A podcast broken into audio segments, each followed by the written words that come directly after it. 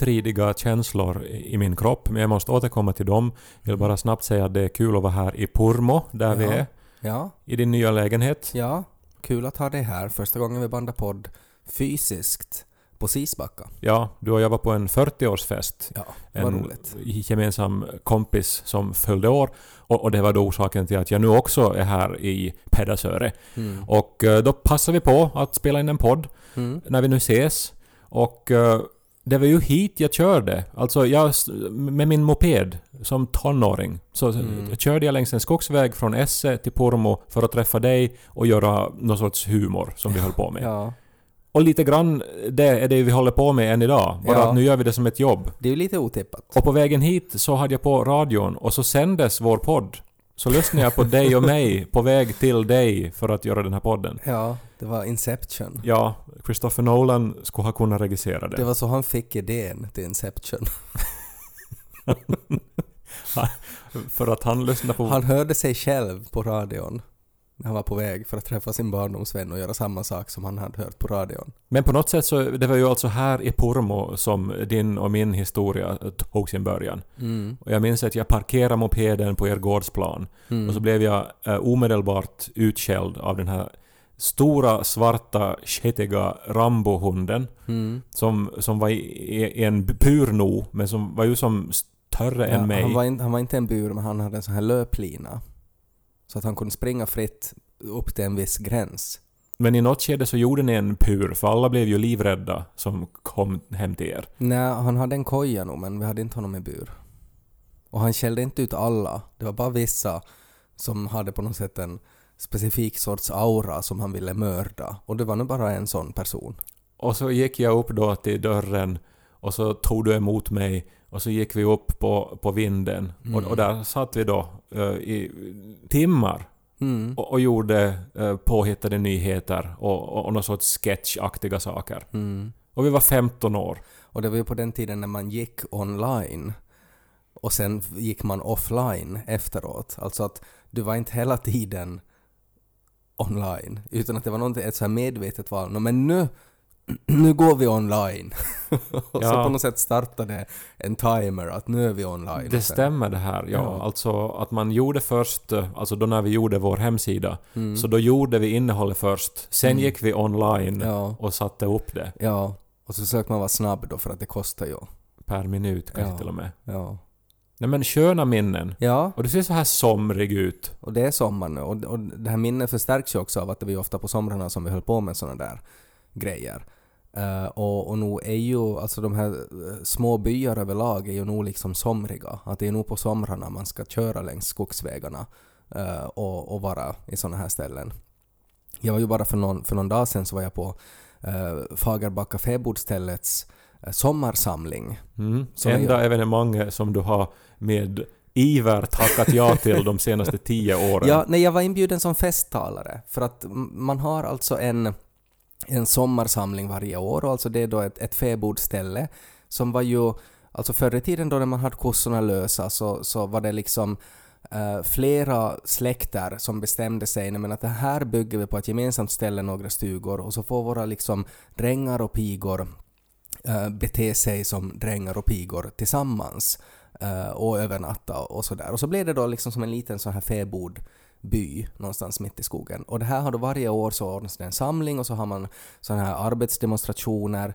Nu förevisades det bland annat hur man tillverkar kesso som jag inte visste att det fanns någonting sånt, alltså som var alltså tobak på den tiden när tobak var svår att få tag på. Ja, just det ja. Ke- kesso. Det låter Kesso. som, som grynost. Keso. Ja, nej, det, det var inte alls det. Eh, men det kan hända att det smakar lite som det, för att det lär inte ha varit så gott att röka det. Men att det är en så här krigstida substitut till tobak.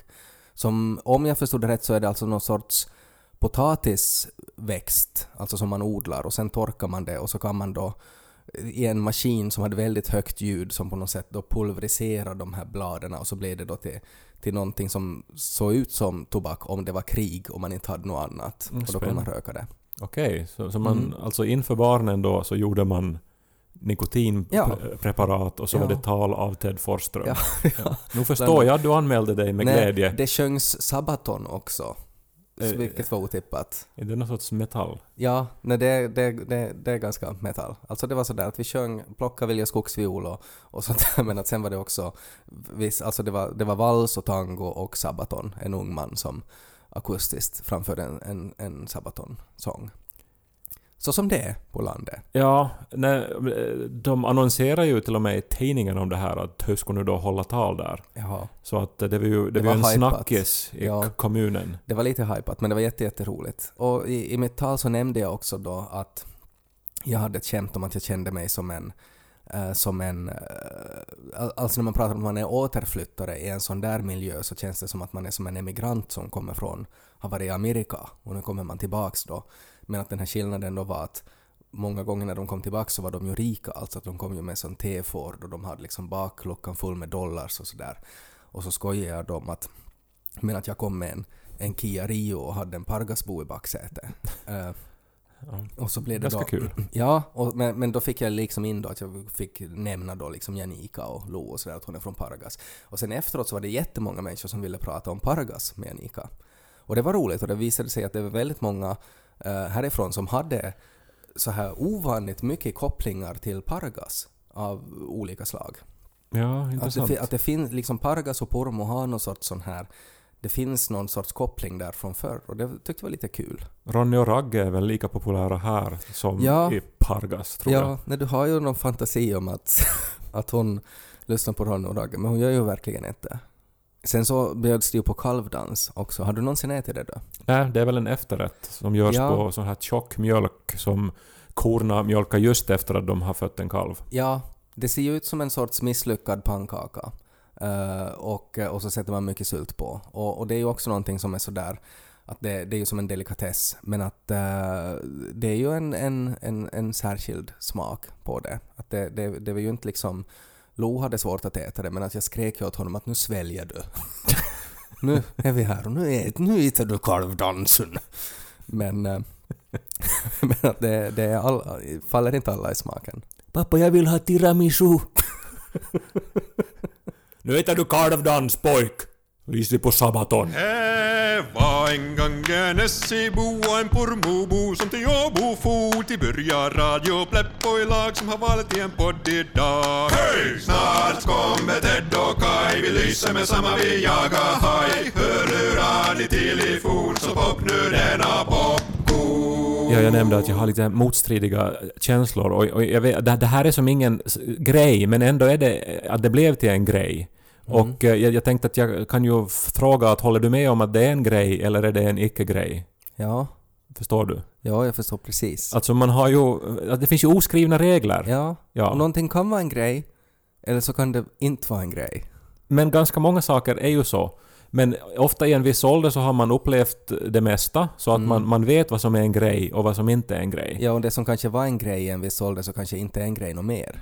För man märkt att det kanske aldrig var en grej, fast man var helt övertygad om att det här är en grej. Ja, så är det mycket så här, är det här rätt eller fel? Och i den här åldern så, så har man ändå en personlig uppfattning om, om vad som är rätt och fel, för en själv i alla fall. Sen finns det ju gråzoner. Ja, Men, eh, men, men, men jag ställdes alltså inför en... Eller vi har gjort det redan, så det är ju det som gör att jag är motstridig.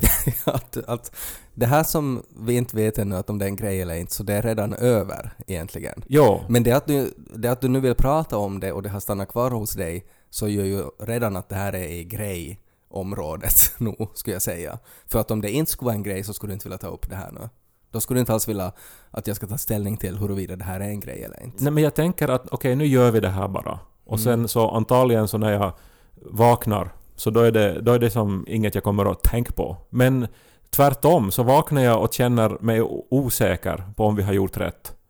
Ja, det här finns mycket Ja, no, och- om jag ska gissas. Jo, det, jag förstår.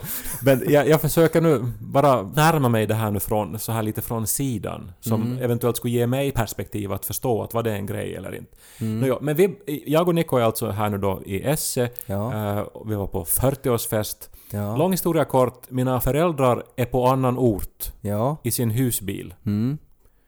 Och mam, utan att prata med oss, har alltså bäddat åt oss i mammas och pappas säng. Okej, så, så du och Nico har alltså sovit i dina föräldrars säng i natt? Ja, det har vi gjort. Mm. Och, och, och det här eh, har aldrig hänt förr. Nej. D- Eller det, när du var jätteliten? ja, möjligtvis då förstås, så Ja. antar jag att jag har krupit upp Ja. i sängen Mm. eh, mellan mamma och pappa. Mm. Men annars så har mammas och pappas säng varit eh, väldigt privat. Mm. Så här att dit, dit far man inte. Nej. Och inte heller att man skulle vilja fara dit. Nej, alltså det är ju säkert någon sån här evolutionär funktion också där på något sätt att man, att man, tar, man tar avstånd från sina föräldrar och att, att så här var, var och en med sätt men att, att ex- extra mycket på något sätt när det gäller syskon och föräldrar. Verkligen, och jag och Eko har ju många gånger övernattat i Esse, men Mm. alltid i mitt gamla rum där det finns en bäddsoffa. Ja, men varför var inte det ett alternativ nu då? Äh, Ingen aning. Mamma är bara så här att ja, så har jag bäddat i vår säng. Sa hon det sådär? Nej men det var så... Din pappa hade spelat orgel bakom. Du, du, du.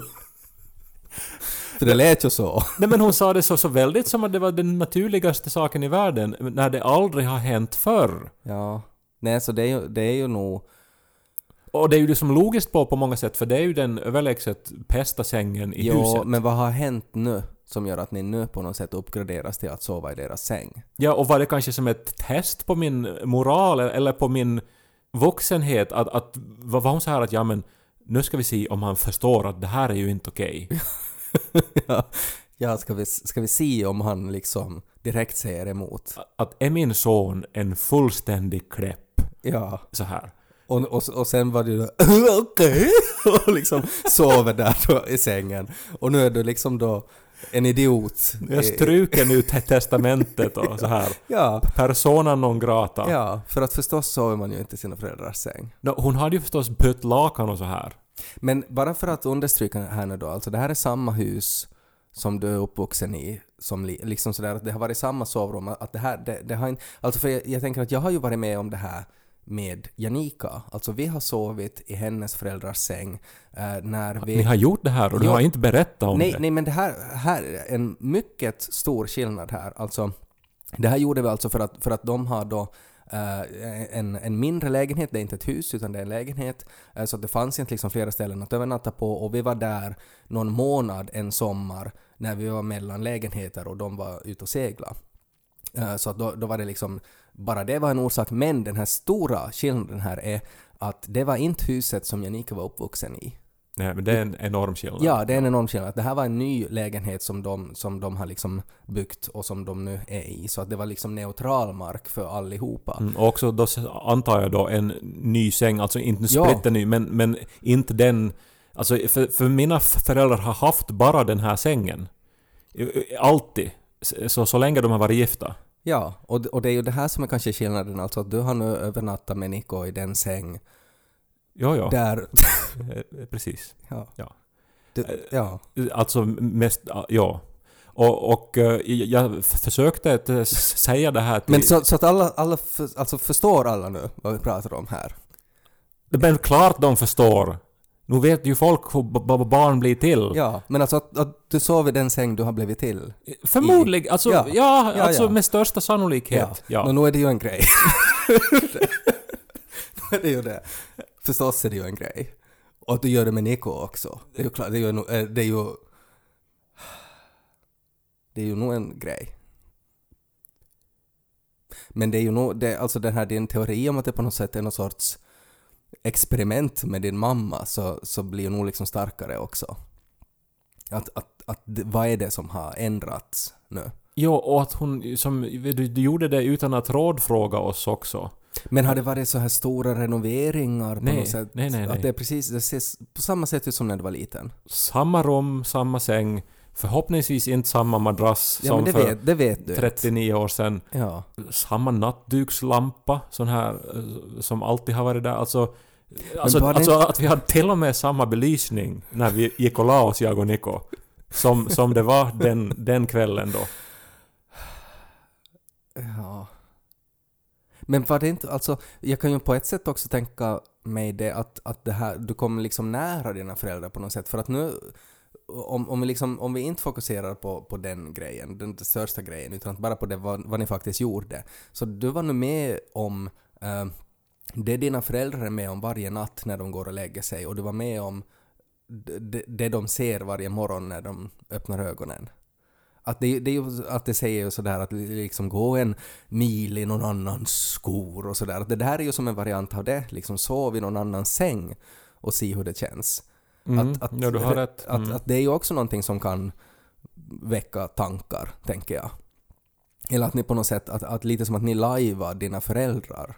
Liksom, och, och de var också borta och, och, och nu kunde ni liksom låtsas vara paret Korkeaho. Intressant. Alltså, nu tror jag inte att mina föräldrar någonsin har gått i någon så här terapi eller någonting, men låt oss säga att de skulle som vara att ja, nu skulle det ju vara bra om vi skulle få en närmare relation till våra barn. Ja. Och sen har de pratat med någon expert som har varit så här att ja, du, jag har ett råd. Ja. Att, att låt dem sova i er säng Ja. en natt. Det funkar alltid. För då får de den här nya blicken. Mm. De lever sig in i er situation. Mm. Jag, jag vet inte om det funkar i så fall. För, att, alltså för jag vaknar bara med de här motstridiga känslorna av att jag har nu då inkräktat i no, Alltså att jag har Ja, gjort något som jag inte att har borde gjort göra. fel, ja. Mm. Men det tror jag ju nog alla ska känna. Alltså det, det är ju nog en sån här väldigt naturlig känsla. Jag, jag tänker det skulle vara ännu mer konstigt om det skulle vara så här "Nå, nu har jag, nu har jag hittat hem att här, så här ska det kännas. Att det skulle också ha varit weird.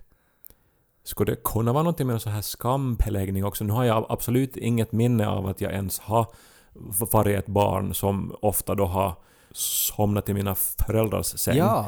Eh, men eh, om det skulle vara så att man är ett barn och sen så blir man lite för, för gammal för att det riktigt ska vara okej Mm, mm. och så kanske man då får en tillsägelse i något skede från sina föräldrar. Hur välmenad den än är så kan man ju då uppleva det som väldigt skamfullt. Då. Mm. Ja. Ja, det, där finns det säkert jättemycket issues också. Och det finns ju inte heller riktigt någon, alltså sådär att när är ett barn för gammalt för att, för att komma i mammas och pappas säng? Det är ju väldigt individuellt. 39? det är liksom... Ja, Är det, är det De- rimligt? ja men om man tänker, ja, alltså här är ju skillnaden att, att de inte är där. Att, att jag menar att om, om alltid när du och Niko kommer på besök så skulle de bädda liksom i sin säng åt er, att ni skulle ligga alla fyra där i sängen. Att det skulle vara väldigt konstigt. Det skulle vara en annan nivå, ja. Det kan vi hålla med om. Men, men egentligen, alltså min fråga var ju att är det här en grej? Och du har redan sagt att ja, det är en Det grej. är en grej. Men, men det som blir kvar här är ju att det är ju din mamma som på något sätt bestämde att ni ska genomgå den här ritualen. Var det här, tänk om det här bara var första steget, att, att nu när du kommer tillbaka så nu har hon satt ut deras gamla kläder åt er. att nu ska ni också använda våra kläder och plötsligt så ska ni börja köra... Ja, vilken bil har du kommit hit med idag? Pappas Ja, just Opel. det. Just det. Just det. Just det.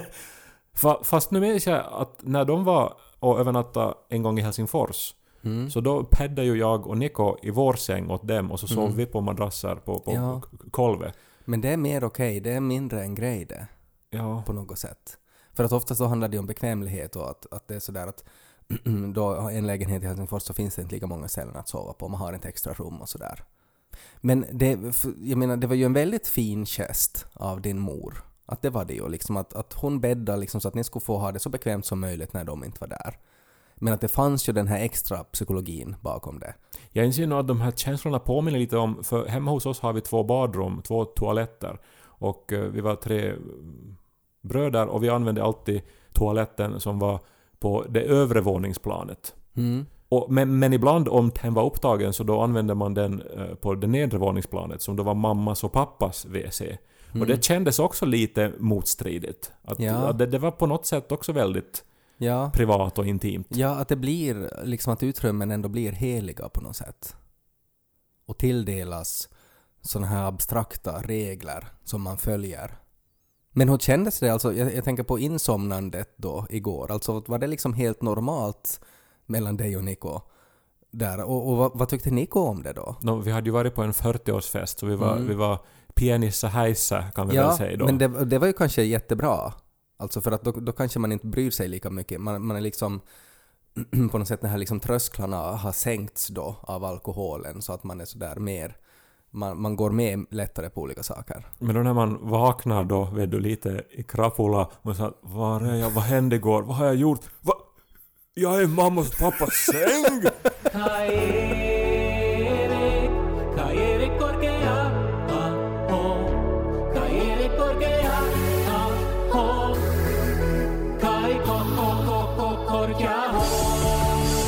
nämndes ju redan att orsaken varför Kaj är här i Österbotten är ju för att vi var på 40-årsfest då, igår. Min första 40-årsfest.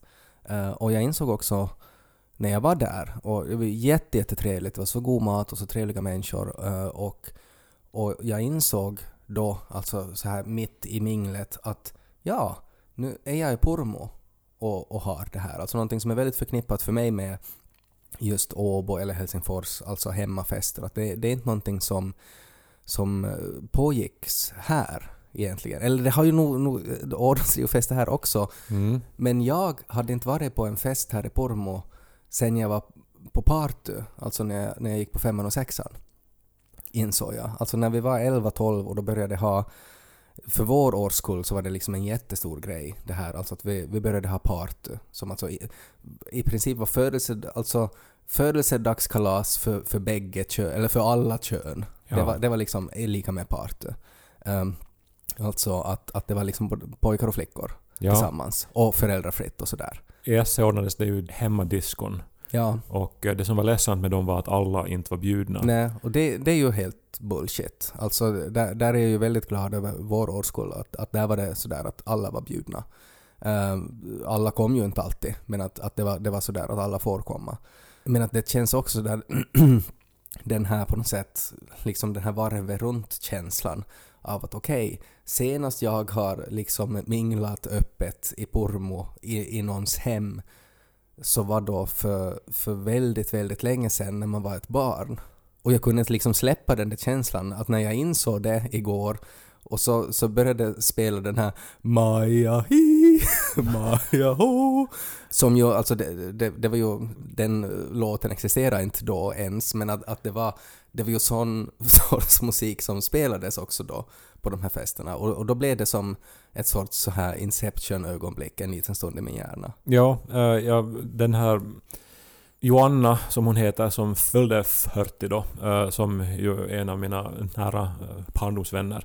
Eh, Så hon och jag blev vänner när vi var kring 10. Så hon har nu själv en dotter som är, tror jag, 10 år eller 11 år just nu. Ja! Och det är så märkligt att se henne med sin dotter för att det är egentligen precis som att tas tillbaks till, vet du, när jag var 10 hemma hos hennes föräldrar, hon var 10 och nu har det gått varvet runt liksom. Nu, nu- nu är jag den där gamla Och sen på det där då så sätter man att du har just sovit i dina föräldrars säng. så det blir ju väldigt avancerat. Det är så här Christopher Nolan får sina idéer. Ja. Det, det är nog så. Ja, han har sovit i sina föräldrars säng. Tiden är en mean bitch. Ja. Och en spegel och en, en loop. Mm. Men att jag som ser henne i hennes dotter och nu är hon i den ålder som hennes mamma var i då. Mm. Och, och när man är barn, någon, någon som är 40 är ju urgammal. Ja. Ja, det sa ju, Janika sa ju igår att det, att det här är inte hennes första 40-årsfest för att hon minns, alltså för hon har ju varit på sin mammas 40-årsfest. Ja, samma här, jag också. Minns den bra. Men det, det är ju omöjligt att tänka sig, alltså så som man tänker då på sina föräldrar när de hade sina 40-årsfest, att man nu skulle applicera de känslorna och tankarna på sig själv. Så det går ju inte. Alltså det tar ju, det, det, det, det kommer liksom stopp, absolut inte, det här är inte sant.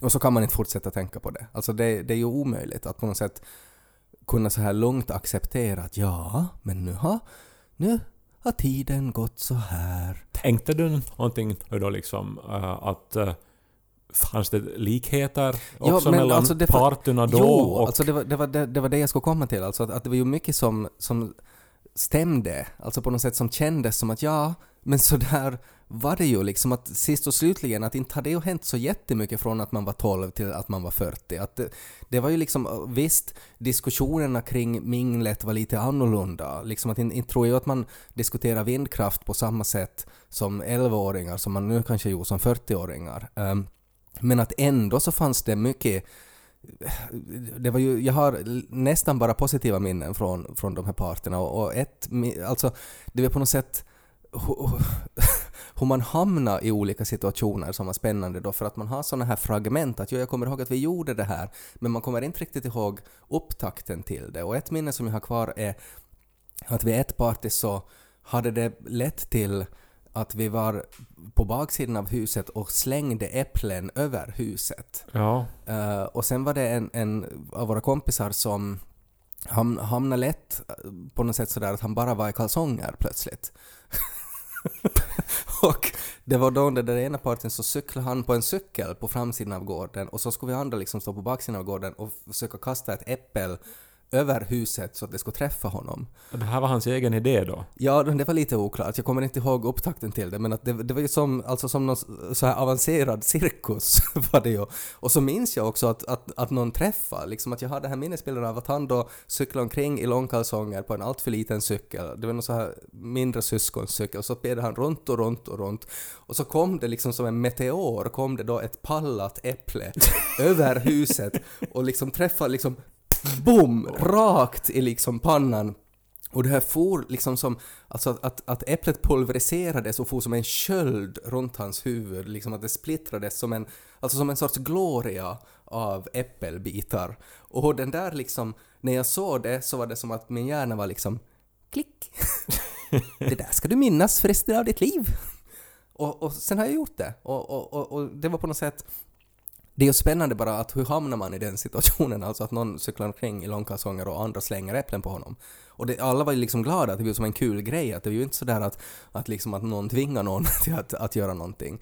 Men att också igår, när liksom det hade kommit lite mera vin och, och, och sådär, så var det sådär att okej, nu kan jag helt se att några steg till så skulle vi vara i den där situationen också igår. Alltså att någon var sådär att nej men jag är ganska varmt att jag tror jag, jag tror jag bara är i långkalsonger nu och så hej vems cykel är det? och sen, sen så oj här finns ett äppelträd. jag kan nog kasta längre än dig ja. Och så är vi plötsligt i den där situationen. Men den där skillnaden kanske är då att när man var 11-12 så, så var det liksom spontant de här grejerna som hände. Men att nu när man är 40, så, eller blir 40, så, så kanske det krävs alkohol för att på något sätt släppa de här eh, gränserna som leder till att sånt där ska uppstå. Och det var ganska kul för att det kändes också så igår att det skulle ha varit helt fine om vi skulle ha gjort det där igår. Att det var en sån fest eh, som... eh, det, det var så avslappnat så att det skulle vara okej, okay, men nu gör vi så här. Ja, men alltså än idag så samma ingredienser för en bra fest. Alltså den där gränslösa känslan. Det är ju det. Mm. Som, som är svårare att eh, uppnå utan då alkohol eller andra substanser som vuxen. Mm. Så som barn är man ju bara sp- spontan och gränslös. Kanske en skillnad i attityd som ändå har en likhet. Alltså som barn är man sådär att allt är öppet ännu med min framtid. Att jag kan göra vad som helst. Jag kan cykla på en liten cykel i långkalsonger och, och det är helt fine för att jag har hela världen är öppen för mig. Men att nu är man liksom på andra sidan. Att nu har man gjort så mycket och, och, och jag vet, jag känner mig själv så pass bra så att om jag vill cykla i bara långkalsonger och vill att folk ska kasta pallade äpplen på mig så det är också helt fine. Det är liksom, jag, jag står för det. Och det, det är liksom samma sköna attityd tror jag, men det är liksom från olika håll från livet på något sätt. Det är liksom före man hittar sig själv och efter att man hittar sig själv. Och där finns en likhet. Hmm. Har du hittat dig själv då? Jag har aldrig riktigt letat, tror jag. det, för det är ju alltid en sån här grej att, att, liksom att man ska göra det, men att jag har inte riktigt... Jag, men jag har på något sätt kanske tolkat det som att jag, men jag har alltid vet liksom... Är inte det här liksom, alltså vit heteroman? Då, då, då måste man inte leta, då är det, då är det självklart.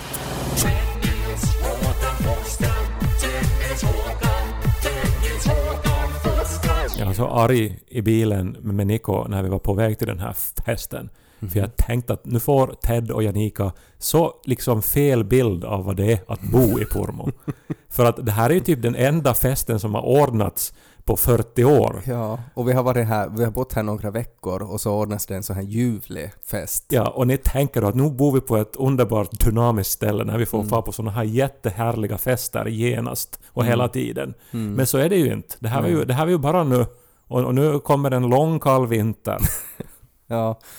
Och du var arg då för att, att, att vi var med om någonting positivt som, inte, som är liksom en, en, en falsk, det är liksom en chimär. Jag var störd på att ni får fel bild av konsekvenserna av det beslut som ni har tagit. Mm, felaktiga beslut.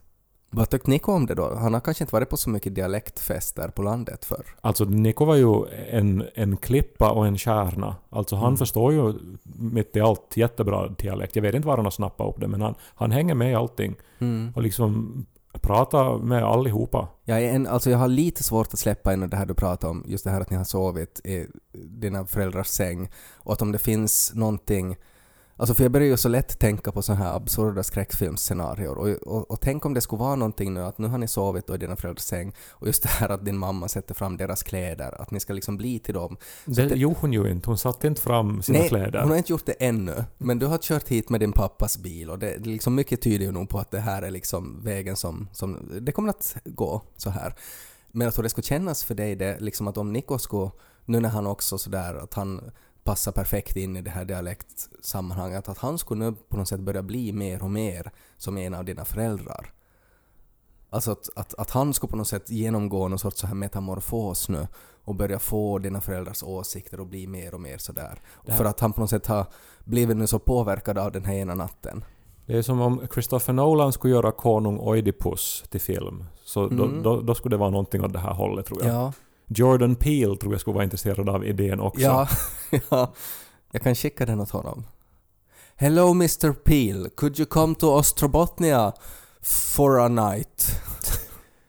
Men för det finns ju också den här aspekten av att, att det sägs ju att man så här undermedvetet väljer partner som påminner om ens föräldrar. Nej, det här blir bara creepy här nu om vi, om vi fortsätter. Mm. Var ska ni sova i natt då? I bröllopssviten där mina föräldrar firar sin bröllopsnatt.